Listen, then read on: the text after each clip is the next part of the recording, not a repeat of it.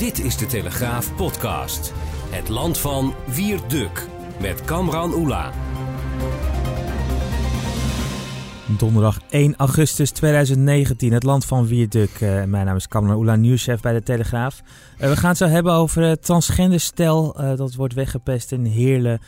zeker in die week van, van de Camel Pride in, in onze hoofdstad. We gaan het ook nog hebben over mensen die niet op vakantie kunnen. Maar Wierd, laten we maar meteen beginnen. Het is 1 augustus, dus vorige week zeiden we al, we gaan het hier ongetwijfeld vaker over hebben. Het burka-verbod, zoals mm -hmm. dat in de volksmond heet, is vandaag ingegaan. En sinds die podcast van vorige week is het geen dag rustig geweest hè, rondom dat verbod. Nee, dat kun je wel zeggen, ja. Dat, uh, de, de, gemoederen zijn uh, gespannen en uh, lopen hoog op. Um, nou ja, het is natuurlijk ook een principiële kwestie. Wat veel mensen vergeten is, hè, veel mensen zeggen, joh, maak je druk om, het gaat maar over een paar honderd vrouwen en zo. Maar daar gaat het natuurlijk wel niet om. Het uh, is een principiële kwestie en het gaat over de vraag in hoeverre wij bereid zijn om de grenzen voor onze rechtsstaat en open samenleving te verdedigen eigenlijk. omdat de burka kan worden gezien als het symbool van afwijzing door uh, deze vrouwen. En die vrouwen die hangen een bepaalde ideologie aan. Hè. Je moet het onderscheid maken tussen islam en politieke islam. Hè. Deze vrouwen hangen eigenlijk de orthodoxe politieke islam aan. Die uh, het Westen afwijst. Die onze grondbeginselen en onze uh, democratische beginselen afwijst. Het is heel goed dat wij zeggen, oké... Um, daar doen we niet mee, dat accepteren we niet. En Nederland heeft al gekozen voor die variant hè, in de openbare gebouwen. Accepteren we die boerka niet. Um, andere landen die hebben die boerka sowieso gewist uit het uh, openbare leven, wat volgens mij beter is. Uh, maar goed, daar kun je over twisten. Maar wat ik dus helemaal niet begrijp, is wat je dus nu weer, dat is ook weer zo typisch voor Nederland, dat je nu in de talkshows en zo en overal allerlei mensen uh, ziet verschijnen die zelf helemaal niet tot die groep behoren en ook helemaal niet uh, tot de islam en de islam ook slecht kennen en zo. BN'ers en zo, hè. Die het dan gaan opnemen voor die vrouwen en voor hun recht om zich in zo'n uh, verhullend gewaad te steken. Omdat ja. dat zielig zou zijn als ze het niet zo mogen of zo. Burka buddies, hè, geloof ik, noemden ze zichzelf op, op ja, sociale media. Die, die burka buddies van die linkse vrouwen die dan vinden dat zij hun zusters kennelijk moeten gaan beschermen. Ja, wat deze. En kijk, de onwetendheid bij deze mensen is toch telkens weer verbijsterend. Ik zag ook zelfs een tweet ook van zo'n meisje dat dan op Twitter heel, uh, heel bloot eigenlijk op, uh, op de foto staat. En die zegt dan van nou, ik wil eigenlijk ook, ook wel een boerka aan, want ik word altijd nagefloten op straat. En weten jullie wel hoe ongemakkelijk dat is en zo. Ja, dan heb je dus echt helemaal niks van begrepen. Hè? Um, dat wil ik nog maar eens een keer gezegd hebben hier. Die burka is inzet van een uh, cultuurstrijd die op dit moment in Europa wordt gevoerd. Uh, en dat zijn niet de moslims die daaraan deelnemen, maar het is de politieke, de, de orthodoxe islam die daaraan deelneemt. En deze dames in burka, ook al zijn het vaak bekeerlingen, dat maakt niet uit, die zijn de vooruitgeschoven uh, pionnen van deze ideologie. En juist de acceptatie van deze vrouwen, ook al zijn het er maar weinig, maar he, in hun kielzog komen heel veel andere vrouwen die zich steeds bedekter um, uh, manifesteren, die zich steeds verhullender uh, kleden. Um, uh, zij intimideren daarmee ook gematigde moslima's die helemaal geen zin hebben in A, die cultuurstrijd en in B, zich nog zwaarder en uh, meer te bedekken dan gewoon de hoofddoek die zij dragen. En dat is zijn verhalen die we steeds vaker optekenen. Kijk, afvallige moslima's, dus moslima's die ervoor hebben gekozen om niet meer de hoofddoek te dragen bijvoorbeeld, die hebben het sowieso al verschrikkelijk moeilijk. Maar ook gematigde moslims en vooral vrouwen die he, genoegen nemen met alleen het dragen van de hoofddoek, die worden ook onder steeds meer druk geplaatst. Die voelen steeds meer druk om zich steeds bedekter te kleden, om steeds puriteinser, steeds preutser te worden, om daarmee gevolg te geven eigenlijk aan de eisen van wat een patriarchale uh, opvatting is. Dus iedere en nu gaan al die feministen gaan weer zeggen, waar bemoeit die Duk zich mee? Hij is een oude grijze man, dus wat zit hij ons te mensplenen? Ja, en zo. wilde zo dat wel dat, zeggen, maar... Uh... Precies, hou je mond, want je bent een man, je mag niks zeggen. Nou, dat zal me wel, daar trek ik me helemaal niks van aan. En ik zeg tegen die feministen, die dit quasi-semi-feministes, die dit weer tegen mij gaan zeggen... Neem eens een keer je verantwoordelijkheid en begrijp wat voor anti-vrouwelijk en anti-feministisch vooral symbool dit is. En steun die gematigde vrouwen die zeggen wij hebben hier ook verschrikkelijk last van.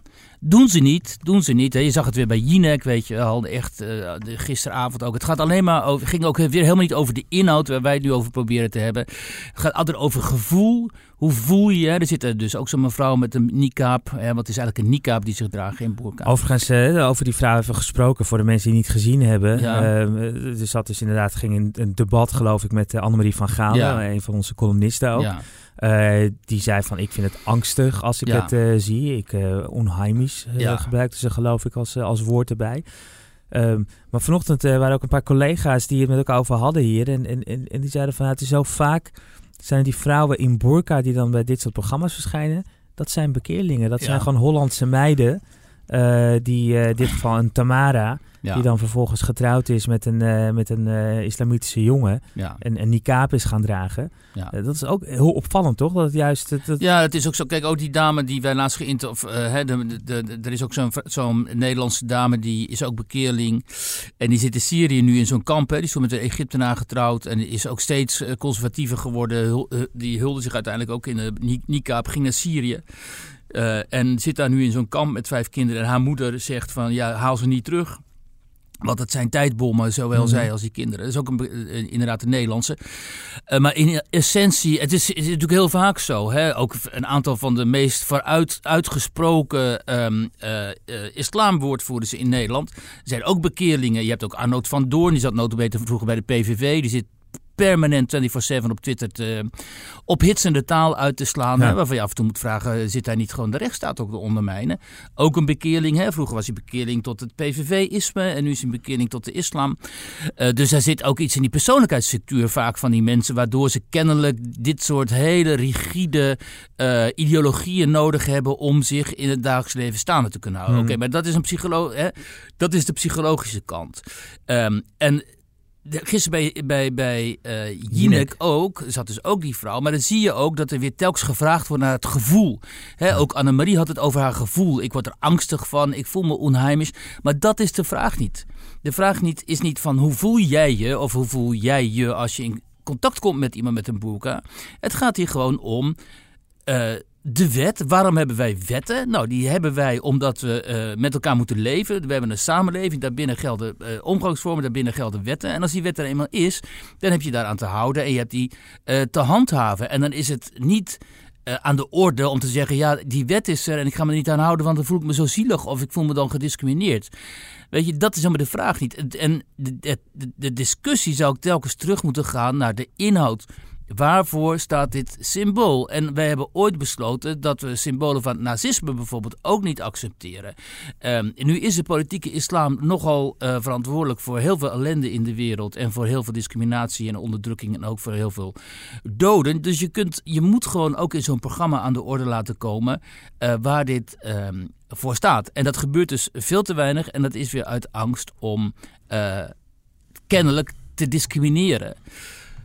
Um, uiteindelijk uh, leidt dit, uh, ja, waar leidt dit uiteindelijk toe? Uh, tot een wet die nauwelijks te handhaven is. Natuurlijk mm ook omdat heel veel inst instanties en, al hebben gezegd, we gaan dat niet handhaven. want laten we heel veel, van de week was het inderdaad de politie die aangaf van, hey, we kunnen het niet handhaven, want we moeten ook een aangifte kunnen opnemen en dan gaan we maar naar, naar, buiten. Ja. want daar mag zo iemand dan wel een boerka dragen. Ja. we, we lazen verhalen over het OV. Uh, laten we zo ook even over Amnesty International hebben, want die, die kwamen lanceren ja. een campagne. Maar eerst even luisteren naar de man die ooit het initiatief nam uh, dat, uh, tot, Wilders, tot ja. deze wet leidde. Geert Wilders was heel opvallend te gast namelijk bij NPO Radio 1, het NOS Radio 1 journaal, mm -hmm. vanochtend. En, en dit is wat hij daarover zegt.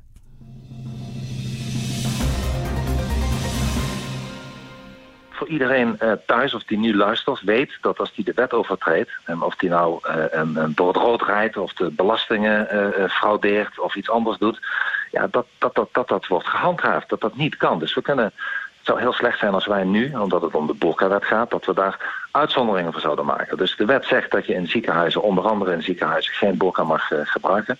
Dus die boer, natuurlijk moeten mensen zorg hebben, dat vind ik ook. Maar die burka, die moet gewoon af. En we moeten er een keer mee ophouden om, als het, als het niet politiek correct lijkt, om dan te zeggen dat we de wetten niet handhaven. Dus wilde zeggen, we moeten gewoon handhaven. Dit moet niet weer zo'n wet worden die we niet, die we niet handhaven. Inmiddels heeft de politie ook gezegd, hè, we, we, gaan, we gaan geen aangiftes buiten de deur opnemen. Ja. Naar druk van het ministerie van Binnenlandse Zaken. Maar het moet er gewoon gehandhaafd worden. Dat is toch een, een, een plicht zeker van overheidsinstellingen? Ja, lijkt mij, lijkt mij wel. En het is heel erg ondermijnend als zowel de politie als allerlei vervoersinstellingen en andere organisaties zeggen, hè, ook bij de ziekenhuizen en zo, ja, we gaan dit niet handhaven, want dat is niet onze prioriteit. Dus dan geef je een signaal af van ja, weet je wel, uh, het, kan wel zijn dat er zo'n wet is, maar uh, we gaan gewoon weer gedogen.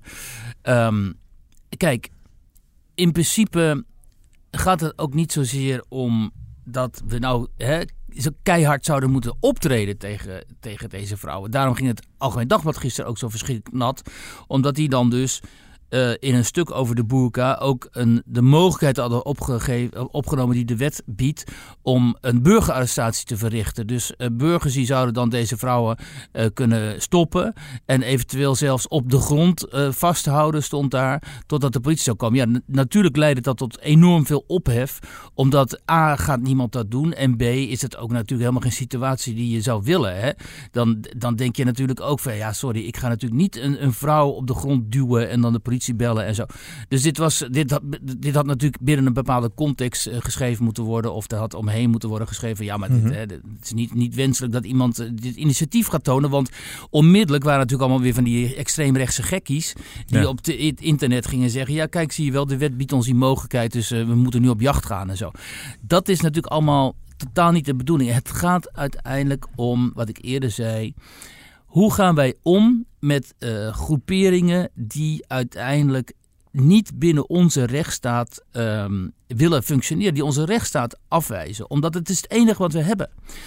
En als we daarin nonchalant of onverschillig worden, wat Nederlanders in het algemeen heel snel zijn, omdat ze mhm. vinden van ja, het, is, eh, het raakt mij niet, of het is niet mijn ding, of het heb ik ermee te maken en zo. Nederlanders kunnen heel moeilijk zich engageren, zeg maar, voor een abstract uh, begrip. Wat ze in Frankrijk bijvoorbeeld, hè, waar je la laïcité hebt, hè, die hele duidelijke uh, wens om een seculiere samen, om de samenleving seculier te houden, dat bestaat in Nederland helemaal niet. Dat soort, dat soort um, bezorgdheid en bekommerdheid om de de gemeenschap eigenlijk, of om de samenleving. Terwijl die op dit moment nu juist enorm gevraagd is. Omdat deze samenleving die we hebben opgebouwd in het Westen en die in mijn ogen uh, hier in Noord-Europa met name uh, de beste samenlevingen zijn die, die er hebben bestaan überhaupt ooit. Hè.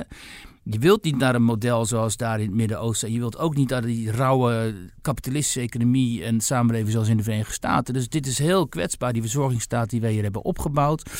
Um, die is heel open, heel tolerant. En je ziet aan, aan alle kanten minderheden, groeperingen daar aan tornen, daar misbruik van maken. Misbruik maken van de rechten die zij krijgen, zonder ervan uit te gaan dat ze ook plichten hebben om die samenleving op deze manier in stand te houden. Mhm.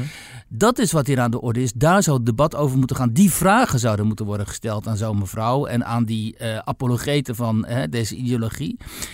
Alleen die vragen worden nooit gesteld of veel te weinig gesteld. Omdat als Eva Jinek of als uh, andere presentatoren die vraag stellen. dan zijn ze enorm bang dat ze vervolgens op Twitter en elders van racisme worden beschuldigd. Terwijl het helemaal niks met racisme te maken heeft. Maar het debat is al zo ver afgegleden. Mm -hmm. dat elke kritische vraag wordt beschouwd als een soort uiting van xenofobie of racisme of, of islamofobie.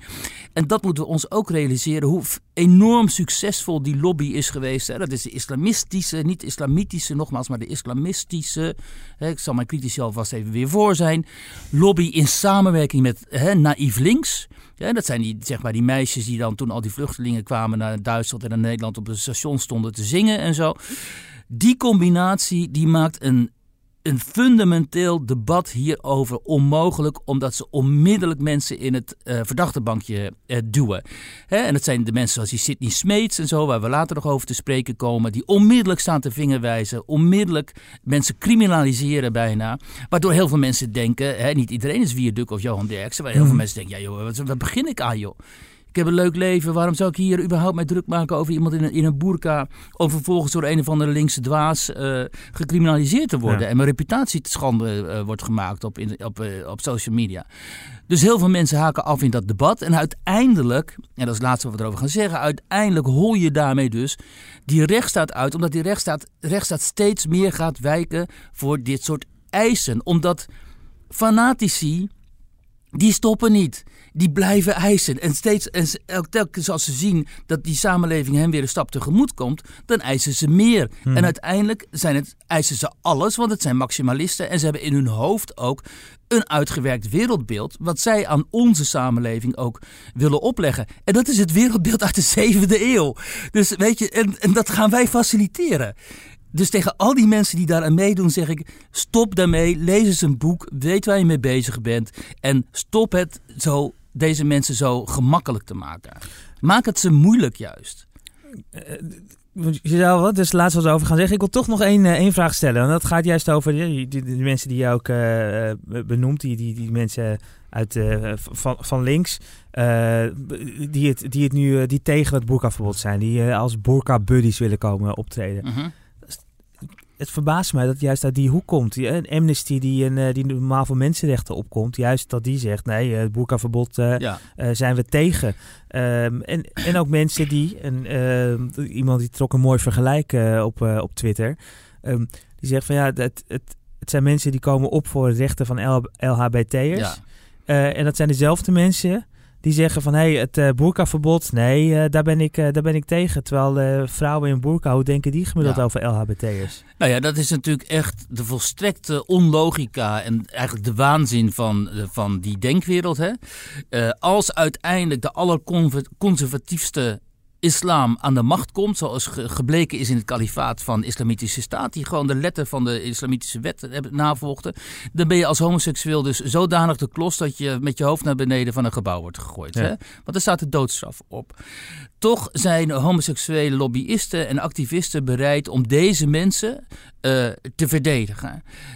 Dat is een volstrekte contradictio in terminis. Dat kan eigenlijk helemaal niet. Maar hun argumentatie is: eh, wij, ons verbindt met deze minderheid de kritiek op de dominante eh, cultuur en samenleving waarin wij wonen. En die dominante cultuur is een eh, kapitalistische eh, samenleving die wordt beheerst door witte mannen, racistische mannen, zoals hè, in hun ogen dan Donald Trump en Wierduk en andere, hoewel geen macht heb, maar goed, je valt dan in dat kamp.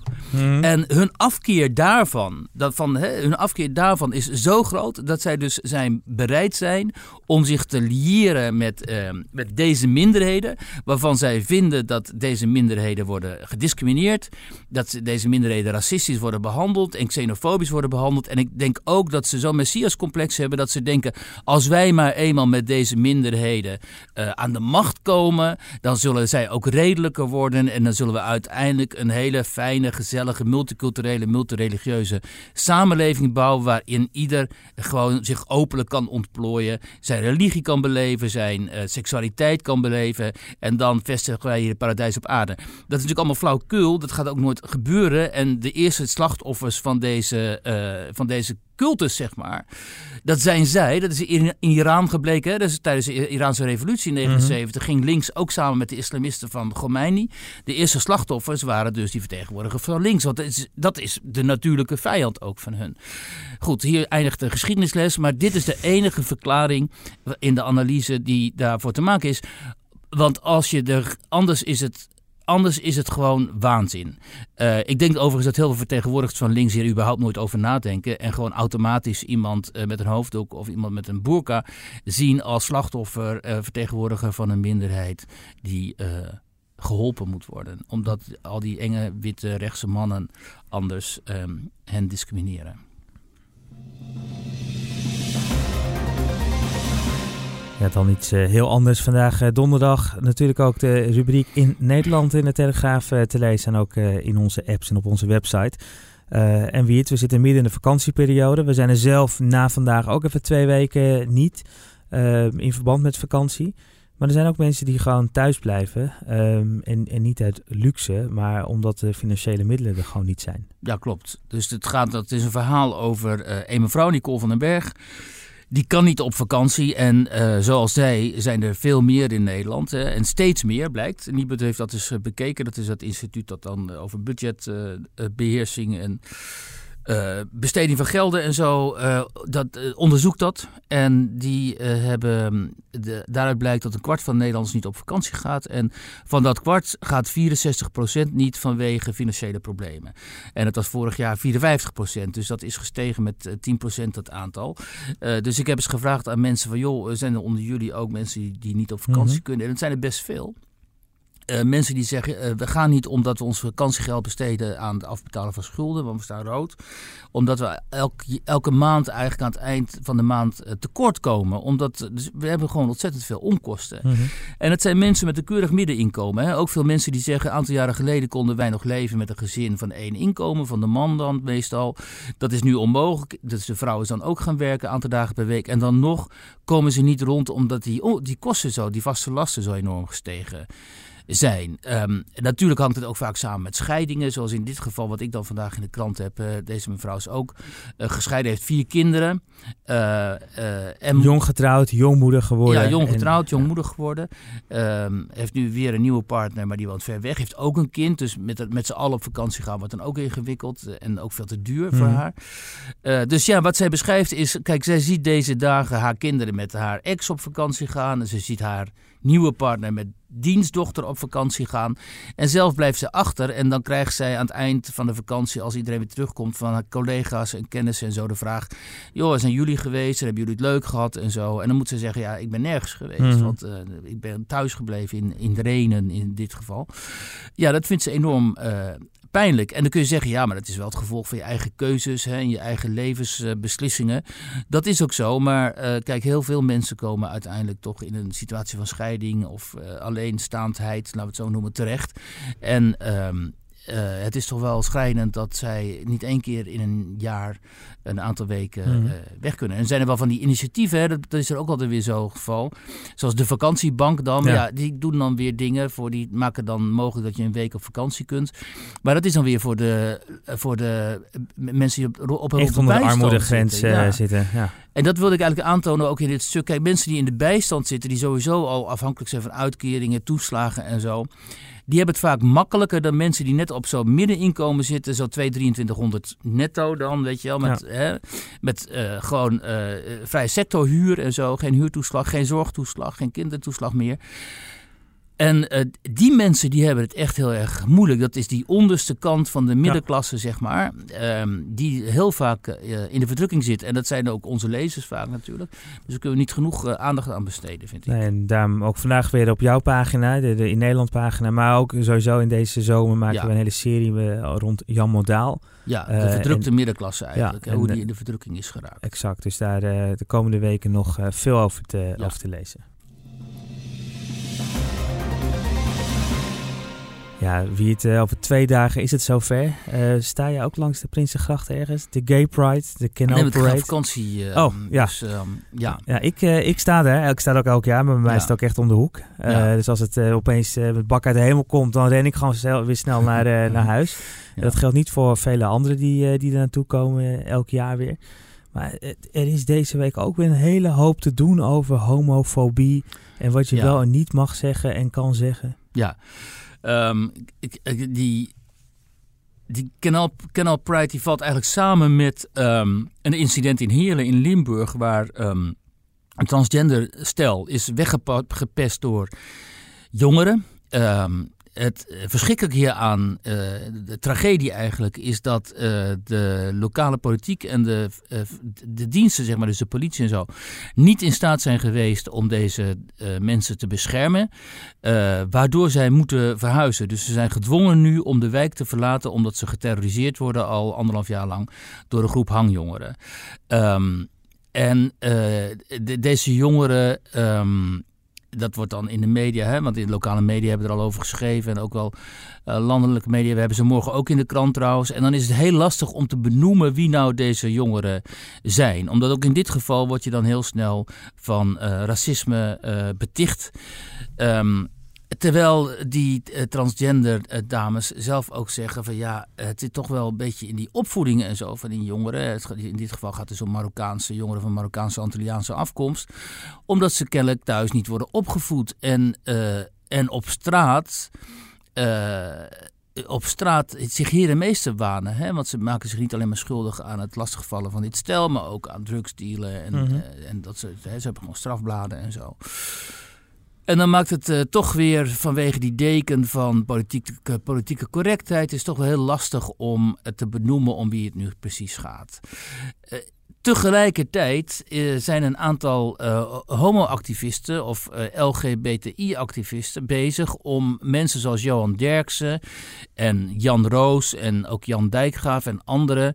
ervan te betichten dat zij degene zijn die in Nederland zo anti-gay klimaat ehm, eh, zeg maar aanmoedigen dat eh, er nog maar een kleine stap nodig is om tot geweld te komen. Laten we daarop houden. Dus jij, je hebt die advocaat Sidney Smeets, die steeds vaker wordt gehoord als soort eh, vertegenwoordiger, woordvoerder van, de, van deze lobby.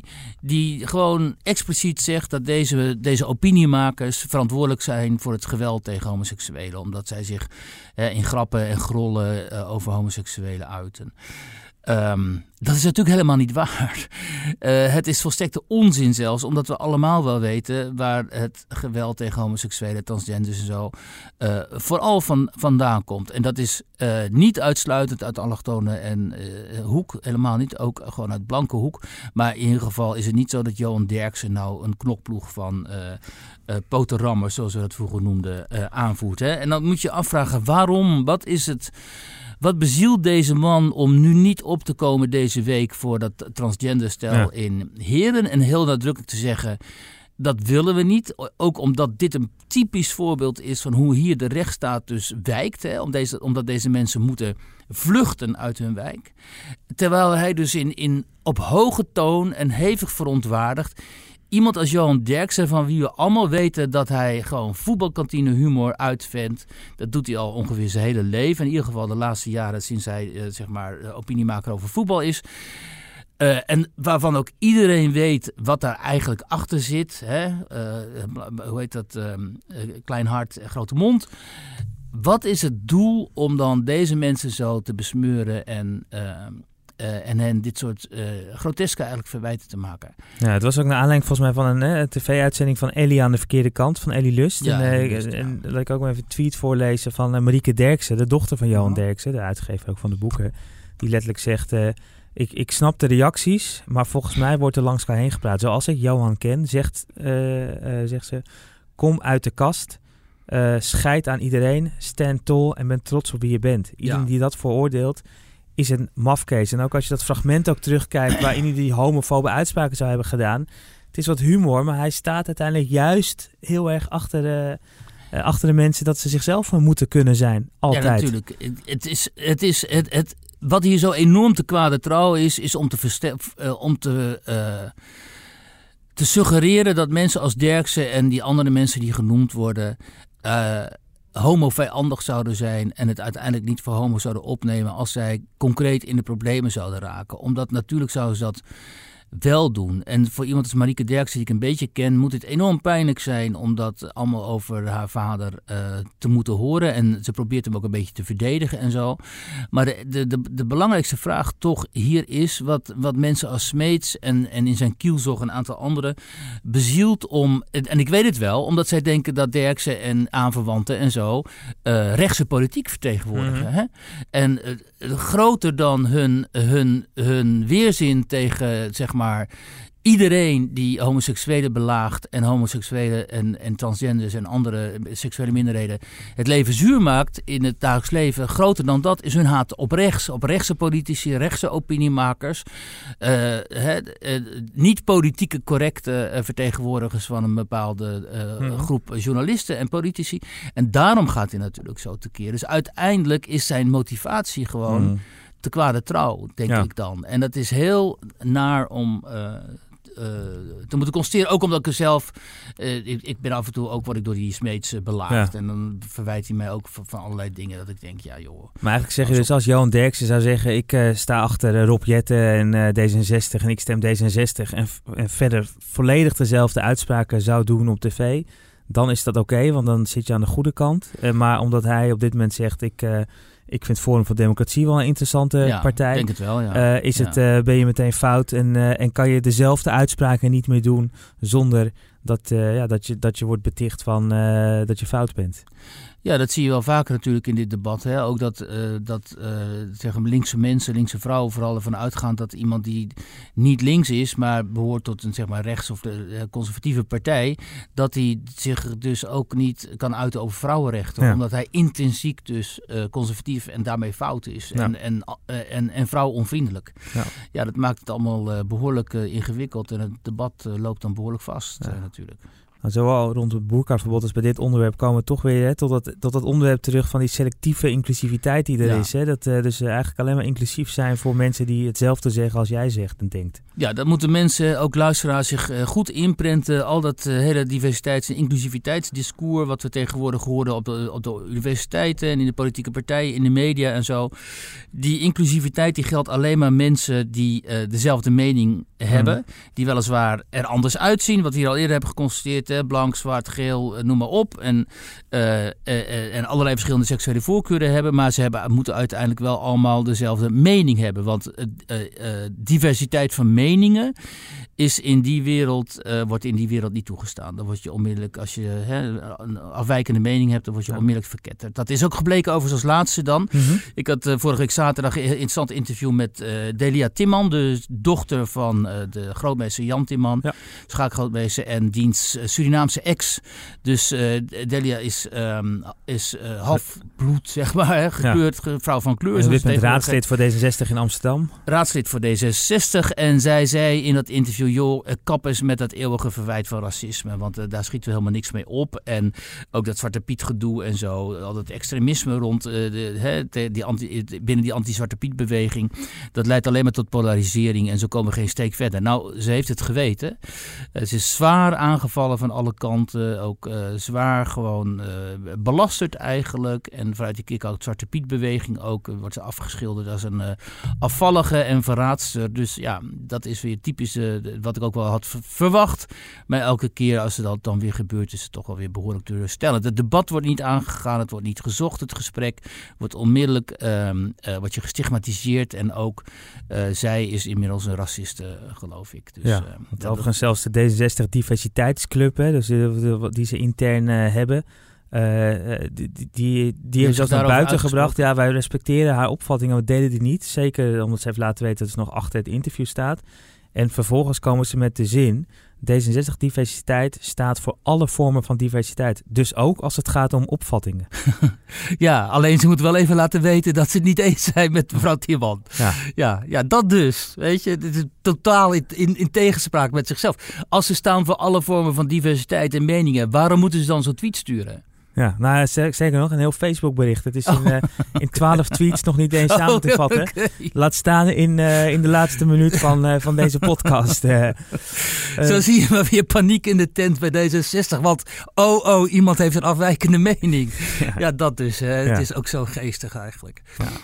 Nou ja, het, uh, daarmee is denk ik de cirkel ook rond. Dat we begonnen met die, uh, met die opvatting uh, over het burkaverbod. En nou, hier komen we er wel uit, maar we lossen het allemaal niet op. maar bespreken het wel elke week. Maar de komende twee weken niet. We zijn er even twee weken tussenuit Juist. vanwege vakantie. En als ik het dan goed zo bedenk, dan zijn we er weer op donderdag 22 augustus. Ik denk het wel, ja. Uh, dus uh, tot dan, als u zelf op vakantie gaat, uh, geniet ervan. Als u lekker aan het werk bent, geniet ook daarvan.